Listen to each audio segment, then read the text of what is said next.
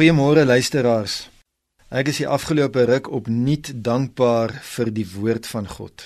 Veral in hierdie jaar waarin ons die reformatie herdenk, 500 jaar sedert 1517. Maar ook veral omdat ons die woord in ons eie taal kan hê en lees. Wat 'n voorreg om ver oggend in my eie hartstaal, Afrikaans, met jou te kan praat, maar ook in my hartstaal, Afrikaans, vir jou uit die woord van God te kan lees. God se begeerte is om in jou hart te spreek. Hy wil daar met sy gees werk. As hy nie in die hart werk nie, gaan 'n belangrike boodskap baie moeiliker oorgaan in dade.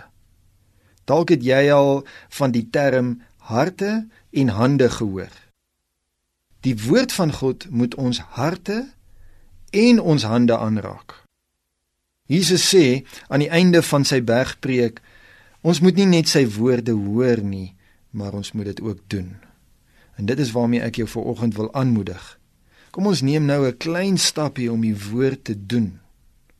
Salomo kom met baie wyse woorde as hy hierdie woorde van Jesus bevestig in Spreuke 4:23 met die volgende woorde: Wees veral versigtig met dit wat in jou hart omgaan want dit bepaal jou hele lewe.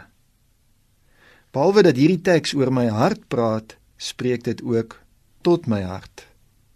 Ons het die voorreg om ons harte te vul met die woorde van God. Die woorde van Jesus in ons hartstaal, Afrikaans. Is daar genoeg dankbaarheid by jou hieroor terwyl Afrikaans net een van 648 tale is waarin die hele Bybel vertaal is? Dalk klink dit nie vir jou groot nie en dalk besef jy nie, maar daar is tans 6880 tale in die wêreld. En daarom kom ons spreek ver oggend ons dankbaarheid en ons waardering hiervoor uit dat ons die woord in ons eie taal in ons hartstaal kan lees. Kom ons gebruik hierdie voorreg met 'n verantwoordelikheid. Die doen van die woord begin met die woord in jou hart. Die woord in jou hart begin met die lees daarvan in jou hartstaal. Kom ons bid saam.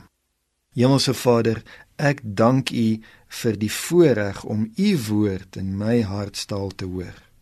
Help my om U woord daagliks ook in my hart te bære deur U woord te lees en U woord te doen.